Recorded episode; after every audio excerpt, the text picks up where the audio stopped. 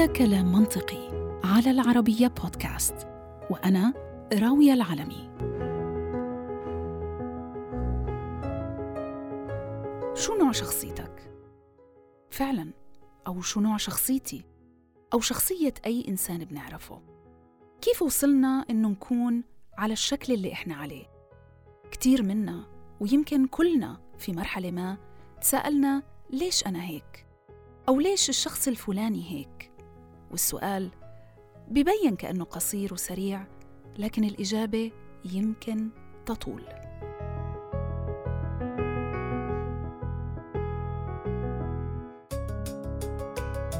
اسمحوا لي أبدأ بتعريف الشخصية بالرغم من أنه في تعريفات كتيرة إلا أني وجدت التالي هو أبسطها وأكثرها قرباً للواقع. فالشخصية هي خصائص أنماط الأفكار والمشاعر والتصرفات للشخص واللي بتخليه فريد ومختلف عن غيره. والمعتقد السائد إنها بتنبع من داخل الشخص وبتبقى مستمرة معه طوال فترة حياته.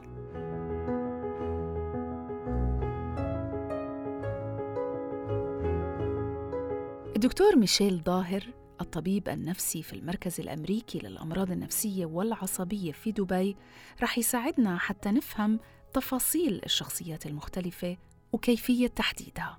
الشخصية بتبلش تتكون من أول ما الجنين يبلش يتكون لأنه بنعرف أنه الأشياء اللي بتأثر على تكوين الشخصية هي الجينات يلي الطفل أو الجنين بيورثهم من أهله ومن بعدها بعد الولادة هالجينات آه، كيف كيف ببينوا يكونوا شخصية بيتأثروا بالمؤثرات الاجتماعية والتربوية كيف الأهل بيتعاملوا مع أولادهم كيف بيربوهم. وملخص هو الشخصية مثل ما بنقول بتتأثر بالجينات جزء كبير منها وجزء كبير منها بيجي من شو بصير مع الولد خلال نموه. فتعريف الشخصية له عدة مؤثرات. منها المؤثرات الجينية يعني النيتشر والمؤثرات البيئية المحيطة بالفرد واللي بيكبر فيها بالإضافة طبعا للتجارب الحياتية اللي بمر فيها الإنسان في مراحل حياته المختلفة واللي بسموها في الإنجليزي النيرتشر وعليه هناك خصائص أو خطوط عريضة للشخصيات المختلفة. فلو تساءلنا مثلا مما تتكون الشخصية أساساً لكان الجواب المنطقي هي أنماط سلوك معينة وأفكار ومشاعر معينة في مواقف ولحظات معينة لكل واحد منا. ولكن نقدر نضيف لهذا المزيج السابق خصائص أساسية للشخصية. مثل شو؟ خصائص مثلا مثل الاستمرارية والثبات. عامة بيكون هناك ترتيب معين ونمط ثابت للتصرفات عند أي شخص. يعني بكلمات أخرى بتصرف الناس عادة بنفس الطريقة والترتيب باختلاف المواقف المتغيرة. يعني لو أخذنا مثال في ناس مثلا متعودة إنها تفكر بالأول وبعدين تتكلم أو تتصرف بالمقابل في بعض الناس المتسرعين اللي بتكلموا وبتصرفوا وبعدين بيرجعوا بيفكروا. خصائص أخرى مثلا للشخصيات آه، نفسية وبدنية. فالشخصية عبارة عن بناء نفسي في الأصل لكن الباحثين توصلوا إلى أن الشخصية عرضة للتأثر بالعمليات والاحتياجات البيولوجية أو البدنية.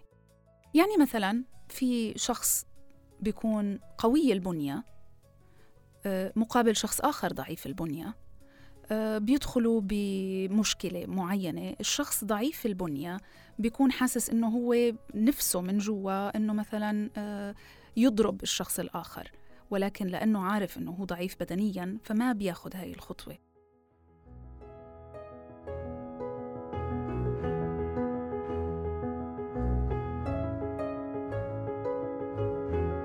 خصائص أخرى سلوكية. فشخصيتنا ما بتأثر فقط على طريقتنا في الاستجابة للمتغيرات في محيطنا بل هي أحيانا بتدفعنا وبتجبرنا على التصرف في نحو معين. وخصائص أخرى بتكون خليط من التعابير المختلفة. فالشخصية لا تظهر فقط في سلوكنا بل بتتجلى أيضا في نمط أفكارنا وفي أحاسيسنا وعلاقاتنا المهمة وسلوكنا الاجتماعي عامة. بعطيكم مثال على هذا الموضوع. آه، الناس اللي عندهم سي دي اللي عندهم نوع من أنواع الهوس مثلا بالنظافة أو بأي شيء آخر. الموضوع لا يتوقف عادة عند النظافة فقط بينما هدول الأشخاص بيكون في عندهم كمان أفكار سوداوية وبيشعروا كأنه الناس كلها عمالها بتتآمر عليهم. وقت يكون بعد طفل من ما بيكون بعد عنده سمات الشخصيه بنسميهم أكثر طباع مثل ما تفضلت وقلت هن طباع. أه بتبلش من أول ما يخلق الولد okay؟ قد بيقدر؟ قد بيبكي؟ قد بيروق؟ قد بيقرب من الأشخاص الغرباء وقت يجوا لعنده؟ بيعصب. so هول كلهم طباع عند الولد بنسميهم بعد ما فتنا بالشخصية. هلأ الشخصية حسب أه في يعني في كثير نظرة أي متى في عدة نظرات أي متى الشخصية بتبلش تتكون. في بعض العلماء بيقولوا إنه بتبلش تتكون بعمر يمكن ثلاث سنين يبين بعض المعالم لسمات الشخصية. بس نحن طبعا بنعتقد إنه الشخصية بتكون عم تتكون خلال الطفولة. وبضلها تتكون خلال المراهقة. ونعتقد قبل كانوا يقولوا على عمر العشرين ل 30 هي الفترة للشخصية اللي بصير فيها الشخصية هي مستقرة شخصية مستقرة. وليه عم بقول قبل؟ لأنه هلأ أكثر وأكثر دراسات عم بتفرجي إنه الشخصية ما بتوقف تتغير أو تتطور. هي صحيح شيء ثابت نسبيا ثابت يعني إذا بنطلع على شخص بين شهر وشهر أو سنة وسنة شخصيته ثابتة. بس إذا بنطلع على عشر سنين بين عمر 30 وال 40 بنشوف في بعض السمات قادرة بعد تتغير على عمر كبير. هذا جزء من تطور الإنسان لأنه بيفضل يتعلم ويتفاعل مع بيئته آه، وهذا أكيد بيحدث تغيرات في في طريقة تفكيره وبالتالي كمان في بعض آه، صفات شخصيته.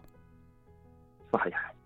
كنا نقول وبعدنا بنقول إنه أول سنوات الحياة والمراهقة هي السنوات المؤثرة لتكوين الشخصية لأنه الشخص بيكون إذا بدنا مثل حيط أبيض وتفاعله مع الآخرين هو اللي بيكون هاللوحة اللي هي الشخصية. شو بصير معه بحياته؟ كيف شو شو الأحداث؟ كيف أهله بيتعاملوا معه؟ شو بصير معه بالهيت بالمدرسة؟ بس حتى على عمر كبير بضل الأحداث الاجتماعية إذا شخص تجوز أخذ نوع عمل معين هالأحداث اللي بتصير معه بتأثر بتجبره يصير عنده إذا بدك نوع تصرفات معينة وبتأثر كمان على تغيير بصير تغيير ضئيل بالشخصية مع العمر بس بصير تغيير. والدراسات بتفرجي إذا بندرس شخصية الأشخاص مثلا على عمر العشرين أو ثلاثين هن ذاتهم الأشخاص بندرس لهم شخصيتهم على عمر الستين بنشوف ان جنرال هالشخصية عم بتروح على سمات إيجابية أكثر مع العمر بصير الشخص ان جنرال أكثر عنده آه، آه، حس الفكاهة ممكن يصير خدوم أكثر للآخرين عنده سيطرة أكثر على مشاعره آه، بيوثق أكثر بالآخرين.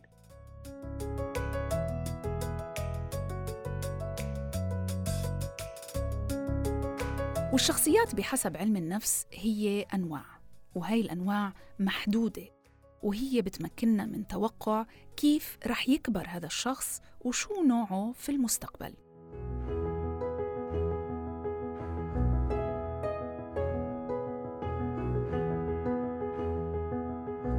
خلينا نحكي عن أنواع الشخصيات.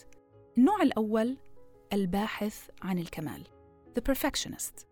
عادة هذا الشخص بيكون قليل الصبر وكثير التنافسية بيكون عدواني ومهووس بالعمل. طبيعي أعتقد لأنه أي إنسان بيكون باحث عن الكمال بيكون آه، دائما مهووس بالعمل وبيكون عنده حس المنافسة عالي. النوع الثاني الشخص المرتاح وعادة بيكون صبور ومعتدل في ردود أفعاله بيكون مرن في التعامل ومبدع وميال للمماطلة لتجنب الضغط. برضه طبيعي لأنه إنسان بفضل الراحة أو ما بيحب الضغط بشكل عام فبيحاول إنه يحتال على عامل الزمن وعلى الضغط لحتى يتفاداه النوع الثالث هم المثاليين conscientious people. هدول الناس بيكونوا أصحاب الضمير الحي عادة خصوصا في العمل. بيكونوا طبعا مثاليين في العمل ومنضبطين وبيكون في عندهم حس مهني عالي. وهؤلاء الناس عادة يعني بيكون عندهم هذه الصفات مش بس بالعمل ولكن أيضا في العائلة. وبكونوا مهتمين بتحقيق العدل بشكل كبير وبيركزوا على الناس أكثر ما بيركزوا على أنفسهم. أما النوع الرابع فهم الناس الحزينين والمتشائمين أصحاب القلق المزمن. ثقتهم بأنفسهم عادة بتكون مهزوزة وبيكونوا خائفون دائما من الرفض وأصحاب مظهر كئيب ويائس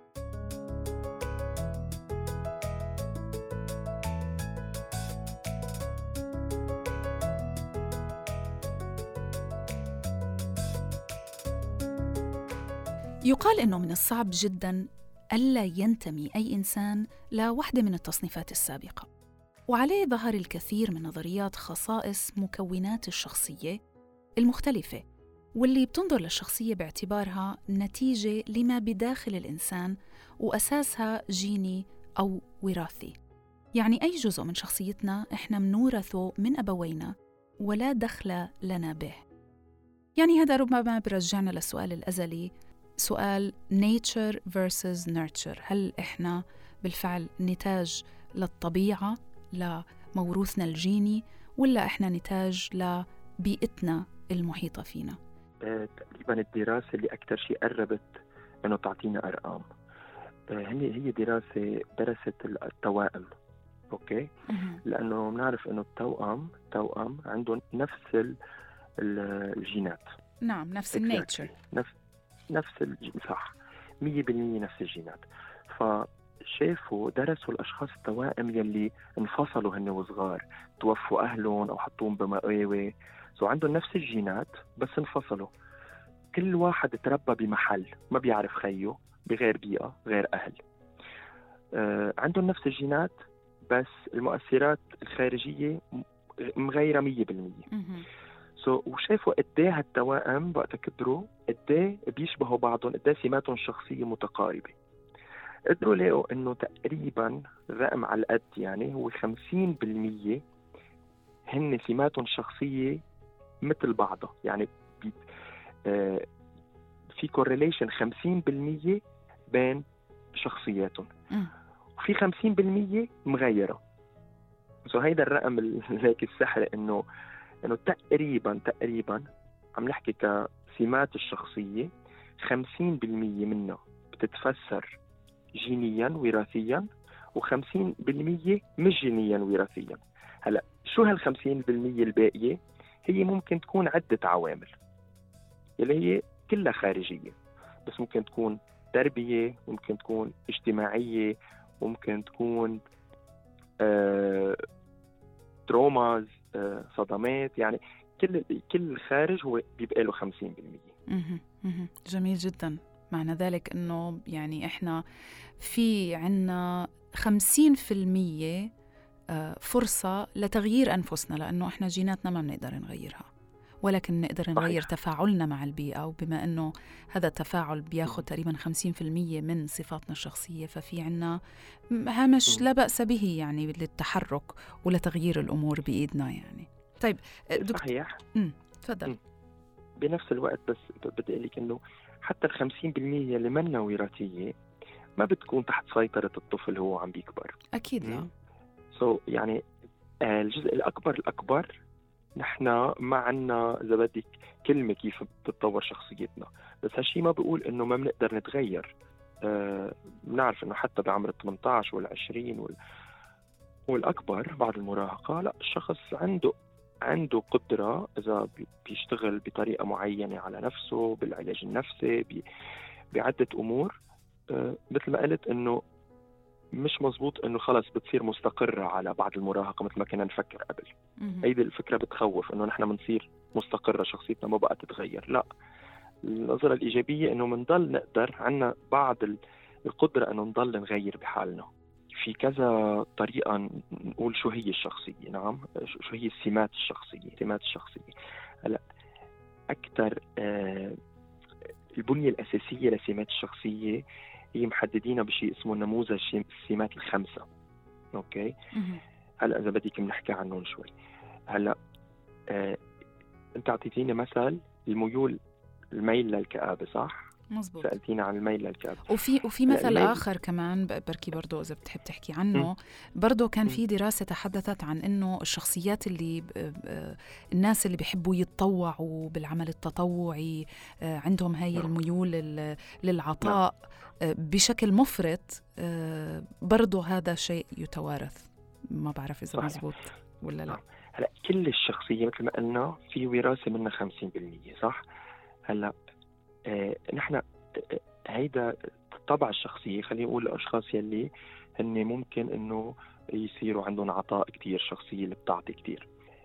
جزء منه كبير أنا بسميه استعداد وراثي أو استعداد بيولوجي لأنه يعني أنت تتكوني توصلي لنوع شخصية معينة بده يكون عندك استعداد بيولوجي لتوصلي له. وبيرجع بتجي البيئة والتربية والعوامل الخارجية يا بتخليكي توصلي إنه تكوني مثلا شخصية معطاءة يا لو عندك استعداد بعض الظروف الأخرى بحياتك بتخليك ما تكوني شخصية معطاءة. بس كل الأشخاص اللي هن عندهم شخصية معطاءة مثلا هن عندهم على القليل استعداد بيولوجي. so, في في البيولوجيا يلي الوراثة يلي هي كمان الجينات إذا بدنا هي بتعطينا الاستعداد البيولوجي إنه نكون عندنا نوع شخصية أو نوع سمة أو ما عندنا إياها. الميول صوب الكآبة كمان. صحيح هي عندنا استعداد بيولوجي إنه يصير عندنا كآبة. ظروف الحياة بتحدد إذا بنوصل للكآبة أو لا. ما بعرف إذا كان واضح جوابي لا لا واضح جدا واضح جدا ومنطقي برضه بما إنه إحنا برنامجنا اسمه كلام منطقي فهذا كلام منطقي جدا. لأنه هو لازم لازم يكون في أساس ويعني زي زي لأي مثلا مبنى في الأساسات نعم. وهي الأساسات تبنى عليها وبالتالي ما يبنى عليه هو اللي بيقرر تطلع يطلع هذا المبنى بهذا الشكل أو أو شكل مختلف على كل حال الأمثلة كثيرة وبرأيي إنها يمكن أكثر أجزاء بحث هاي الحلقة طرافة لأني بالفعل وجدت أعتقد ما أظن إنه شخصيتي و بحثكم إنكم تركزوا معي علشان تعرفوا بالضبط شو هي شخصيتكم.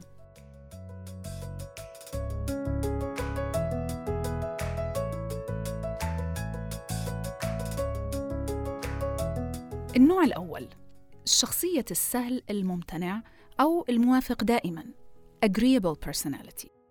هم ناس بيهتموا بالآخرين بشكل كبير. وعندهم درجة عالية من التعاطف وبيسعدوا كثيرا لما بيساعدوا الغير. النوع الثاني هم أصحاب الضمير الحي والمنضبطين conscientious people زي ما ذكرنا. عادة هؤلاء بيكونوا آه، أصحاب إنجاز عالي منظمين ومنضبطين وبيفكروا بشكل كبير وعاليي الذكاء كمان. وهم عادة بيكونوا كثيري التفكير وعاليي الذكاء. وبيملكوا مهارة التحكم بمشاعرهم وبانفعالاتهم وبيحسنوا توجيهها لتحقيق أهدافهم. النوع الثالث اللي بيحرصوا دايما على إرضاء الغير eager to please. هم أصحاب شخصية بتعمل دوما جاهدة ولو على حساب نفسها لإرضاء الغير وهم عادة ما بيكونوا سلبيين.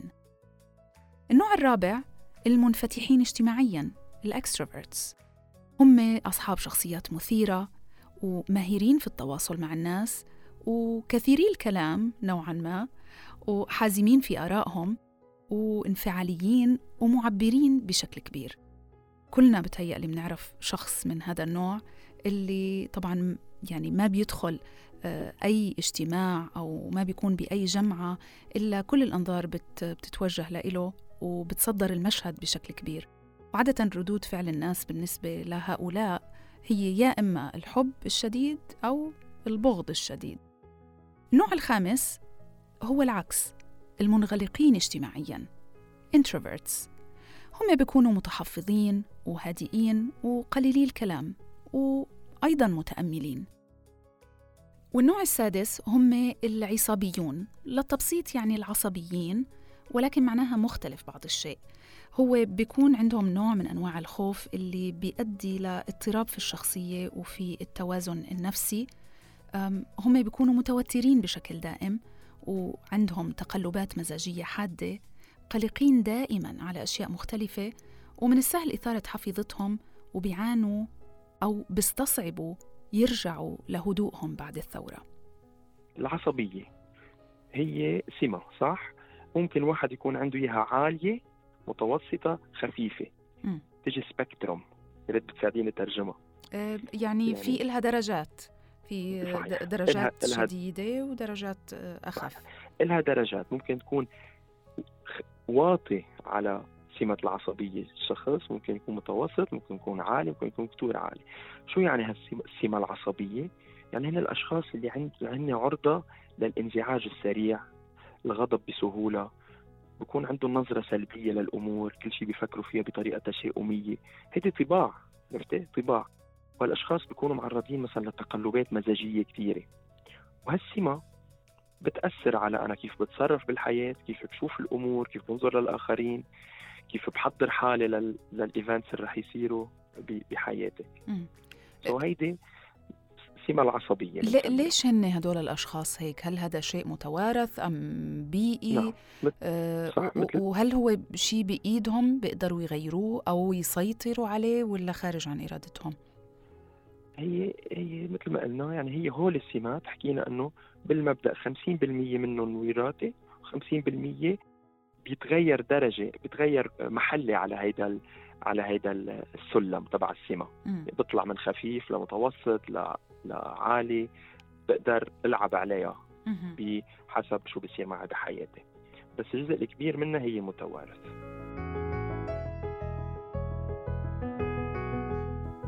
أما النوع السابع فهم ذو العقلية المنفتحة openness. هم عادة أصحاب إبداع جاهزين دائما لتجارب جديدة وشديدي التركيز في التحديات اللي بيواجهوها. هن أشخاص بيكونوا مثل ما مثل ما سيما بتقول منفتحون. منفتحون على الأشخاص على التجارب على الأفكار الجديدة. بيقدروا يغيروا أفكارهم. يعني يمكن بيتربوا بأفكار معينة بتشوفوا بعد عمر معين غيروا أفكارهم تقبلوا أفكار أخرى. بيكونوا مغامرون آه، مقدمون يعني بيحبوا يجربوا أمور جديدة مهارات جديدة بنشوفوا يمكن بيغيروا أشغالهم بيسافروا أكثر عندهم قبول إنه يجربوا أشياء جديدة بالحياة. هدول يختلفوا عن الانبساطيين عن الإكستروفيرتس؟ نعم. كيف؟ ال openness غير ال extrovert. ال openness يعني أنا مستعد جرب أمور أخرى بحياتي. ما بخاف. لو تأملنا الأنواع السبعة السابقة فبدون شك رح تتمكنوا من تصنيف نوع شخصيتكم وشخصيات اللي حولكم. ما بظن إنه هناك شخصيات بتخرج عن هذه الأنواع المحددة. ولكن شخصيا وهذا طبعا رأيي أنا الشخصي مش رأي طبي بعتقد إنه من غير المستغرب إنه يتقاطع نوعين في شخصية واحدة. ولكن يعني من غير الوارد إنه تتقاطع ثلاثة أو أكثر من شخصيتين مثلا. هلا نحن قلنا في السمات الشخصية اللي حكينا عنهم. هول الخمسة الأساسية بس في منهم بيحكوا عن 10 سمات وعن 15 سمة فينا نفصلها قد ما بدنا للسمات. في السمات وفي نوع الشخصية okay؟ نوع نوع الشخصية هي مجموعة سمات. مجموعة سمات بتكون نوع إذا بدك شخصية. صعب واحد يجمع كذا نوع شخصية بس واحد بيقدر يجمع كل شخص عنده كذا سمة شخصية. okay؟ هن هن مش مش متضاربين. يعني أنا إذا بجمع يعني أنا ممكن يكون آه، ماني منفتح بس أنا شخص آه، بتقبل الآخرين. هلأ هن ما بيتعارضوا ما بيتعارضوا. بس بس الواحد بيقدر هو كل كلنا عندنا كذا سمة شخصية كلنا كل الأشخاص عندهم كذا سمة. بس مش كذا نوع شخصية. تحديد الشخصيات كان له نصيبه من النظريات منذ ولادة علم النفس ومن أشهر هاي النظريات اللي بيسميها العلماء نظريات الديناميكية الشخصية Psychodynamic Theories. وجلها إن لم يكن كلها متأثرة بعمل سيغموند فرويد في هذا المجال. وهي بتركز على تأثير العقل الباطن على شخصيتنا. هاي الديناميكية بتشمل نظرية فرويد اللي تسمى المراحل النفسية الجنسية وهي طبعا مثيرة للجدل حتى يومنا هذا. وكذلك نظرية إريك إريكسون عن مراحل التطور النفسي الاجتماعي واللي أنا شخصياً بلاقيها مثيرة للاهتمام لأنه هو قسم مراحل تطور شخصيتنا لثمان مراحل من المهد إلى اللحد كما يقال. يمكن نتحدث عنها في حلقة قادمة.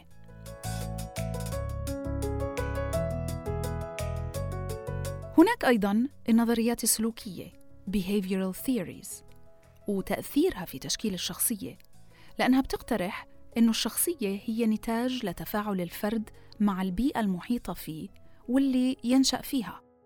أصحاب هذه النظريات بيركزوا على دراسة ومراقبة وقياس تصرفات البشر وغالباً ما تتجاهل دور الأفكار والمشاعر الداخلية للإنسان ومن روادها بي اف سكينر وجون واتسون هناك أيضاً مدرسة أخرى خاضت في مجال تعريف ماهية الشخصية وكيف بتم صقلها وهي المدرسة الإنسانية Humanist Theories. أساس تركيزها مبني على أنه الإرادة الحرة للاختيار والتجارب الشخصية الذاتية هم أساس تكوين الشخصية وتطويرها. ومن أشهر مدافعيها كارل روجرز وإبراهام مازلو واللي هو طبعا صاحب النظرية الأشهر هرم الحاجات الأساسية الإنسانية. ما فينا بعتقد نقول إنه في في theory أو نظرية هي أكثر دقة. النظريات هن كلهم كل واحد كل عالم طلع من عم بيجرب يجاوب كيف الشخصية بتتكون. أوكي؟ كيف بصير عندنا نمط تصرفات بالحياة. وكل عالم بيطلع طلع من منظار. وكلهم مزبوطين بمحل معين.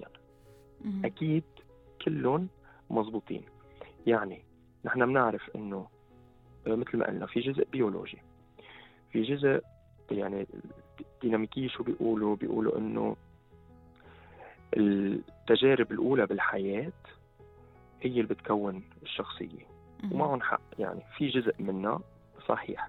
فهول كل النظريات اللي حضرتك تفضلتي وقلتيهم هن عم بيشوفوا كيف تتكون الشخصية. في ناس بتقول التربية الأهل أو الحاجة الجنسية مثل ما بقول فرويد أو في ناس في كمان ال social theory بتقول إنه موقع الموقع الاجتماعي بيحدد الشخصية. في ال humanistic theory. so كلهم هول عم بي عم بيجربوا يقولوا شو المؤثر الأكبر لتكوين الشخصية. بس ما في جواب واحد. كلهم كل كل theory عم بتقول شيء صح. ال behaviorist عم بيقولوا شيء مزبوط. ال psychodynamic عم بيقولوا شيء مزبوط. ال social عم بيقولوا شيء مزبوط. فكل هالنظريات عم عم بس كل عالم بتطلع من منظاره. وبلش من هونيك. وبني كل النظرية على أساس منظاره.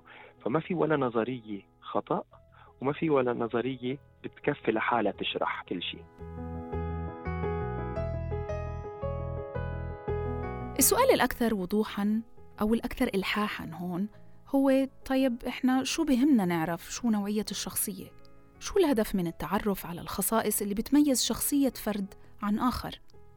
والجواب ببساطة هو لحتى نوجد تطبيقات عملية لحل مشكلة لشخص ما أو لحتى نتأكد مثلا من أنه فلان بيصلح للعب دور معين في منظومة معينة أفضل من غيره سواء كان في العمل أو حتى في العائلة ورح أستعرض معكم بعض التطبيقات العملية لفهم الشخصيات المختلفة.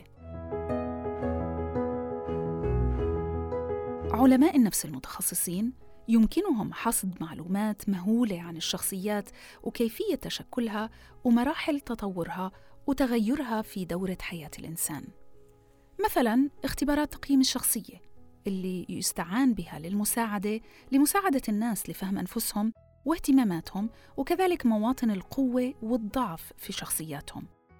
وبعض الاختبارات الأخرى اللي بتعنى بقياس شخصيات الأفراد في سمات معينة كأن يكونوا من المنفتحين أو المنغلقين اجتماعياً أو العصبيين أو ذو عقليات منفتحة. هناك اختبار نفسي أكثر من رائع. بنصح فيه أرباب المؤسسات الكبيرة والصغيرة على حد سواء وبنصحهم بتطبيقه. هذا الاختبار اسمه FIRO-B. صمم أساساً للتنبؤ بكيف سيعمل المجندين الأمريكيين البحريين في سلاح البحرية والغواصات تحديداً معاً كيف رح يعملوا معاً كوحدة واحدة. نظراً لطول المدة طبعاً اللي رح يقضوها هؤلاء تحت سطح البحر وجهاً لوجه. صممها عالم نفس اسمه ويليام شوتس وكتب عن التجربة كتاب عام 1958 وصمم هذا الاختبار اللي تبنته كتير من الجهات المختلفة لحتى يساعد اللي بيقوموا فيه على معرفة وفهم سلوكهم الداخلي ومؤثراته ودوافعه. والكثير من الناس بيلاقوه مفيد في العمل ضمن فريق كما أنه أداة رائعة للتفاهم بين أفراد العائلة والعلاقات الاجتماعية عادة.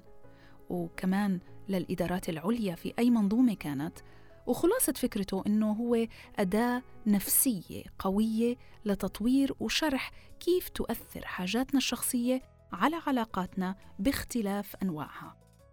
فنتائجه تلخص للشخص نوع سلوكه ونوع شخصيته بل بتمتد لتشرح لنفس الشخص شخصية وسلوك الناس اللي بيتفاعل معهم في محيطه. لذلك عمليا هو من أشهر الأساليب النفسية لبناء فريق عمل قوي ومتكامل. هناك أيضا اختبارات وضعت لقياس كيف لصفة معينة في شخصية الفرد إنها تتغير بمرور الزمن والتطور. وهي الاختبارات ممكن تستخدم لمساعدة الناس على اختيار الوظائف اللي بتلائمهم واللي رح يستمتعوا فيها وكيف رح تكون درجة كفاءتهم فيها وإذا ما رح يكونوا فعالين في لعب دورهم هذا أو لا. وأحياناً أيضاً لمعرفة أي نوع من العلاج النفسي بنسبهم في حال وجود خلل نفسي لديهم. مثال على هذا هو نموذج دون لاوري من عام 1978 واللي يسمى الألوان الحقيقية. لاوري قسم الشخصيات لأربع ألوان أساسية. هاي الألوان هي الأزرق، البرتقالي، الذهبي والأخضر. وصمم هذا الاختبار لفرز المراهقين ومدى خطورة تأثير شخصياتهم على حياتهم وتوضيح أفضل الأساليب اللي بتناسب شخصية كل فرد للتعلم. لكن روعة هذا الاختبار إنه بيصلح لأي شخص وتحديداً كيف بيفرز أنواع الشخصيات وبيتنبأ بأنواع تصرفاتها. بعدين بيقترح شو هي أكثر القطاعات الوظيفية اللي بتناسب هذا الشخص وشخصيته وطريقة تعلمه. لأنه مش كل الناس بتتعلم بنفس الطريقة. كل واحد فينا له أسلوبه المميز في التعلم. في كذا طريقة واحد يدرس الشخصية وال FIRO-B هو test من من من هال من هالطرق يعني test من هال test الموجودين وهو بيدرس بعض السمات اللي خاصة أكثر بتفاعل تفاعلنا الاجتماعي. أوكي؟ آه كل هول ال test بيقدروا يفرجوا الشخص آه بيقدروا طبعا يفرجوا الشخص هو كيف آه، مكونة شخصيته أكثر آه، من شو بتتكون شخصيته. وبيساعدوا الشخص أكيد إنه يفهم يفهم حاله أكثر إنه أنا هون عندي هالسمات الشخصية أو أو أو غيرها.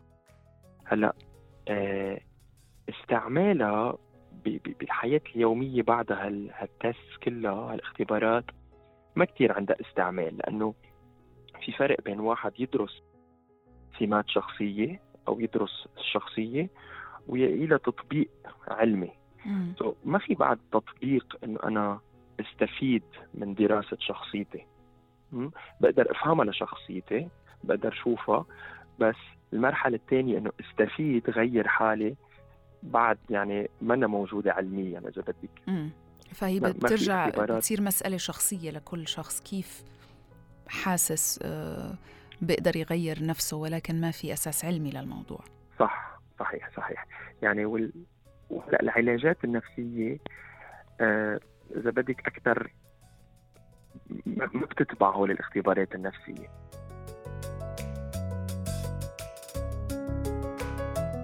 أخيراً أنواع الشخصيات المختلفة إلها ارتباط وثيق بصحة الفرد. كمعرفة عدد مرات زيارتهم للأطباء وكيفية تكيفهم مع أمراض مثل الضغط النفسي أو ال stress. الباحثين وجدوا أنه بعض خصائص الشخصيات ممكن تكون سبب للإصابة بأمراض معينة بعينها والبعض الآخر لا يصاب بهاي الأمراض بسبب خصائص أخرى في شخصياتهم. تخيلوا مثلا الإنسان العصبي ممكن أنه يصاب بأمراض مثل الضغط وأمراض أخرى متعلقة بالضغط النفسي وال stress أكثر بكتير من شخص آخر عنده شخصية مرتاحة.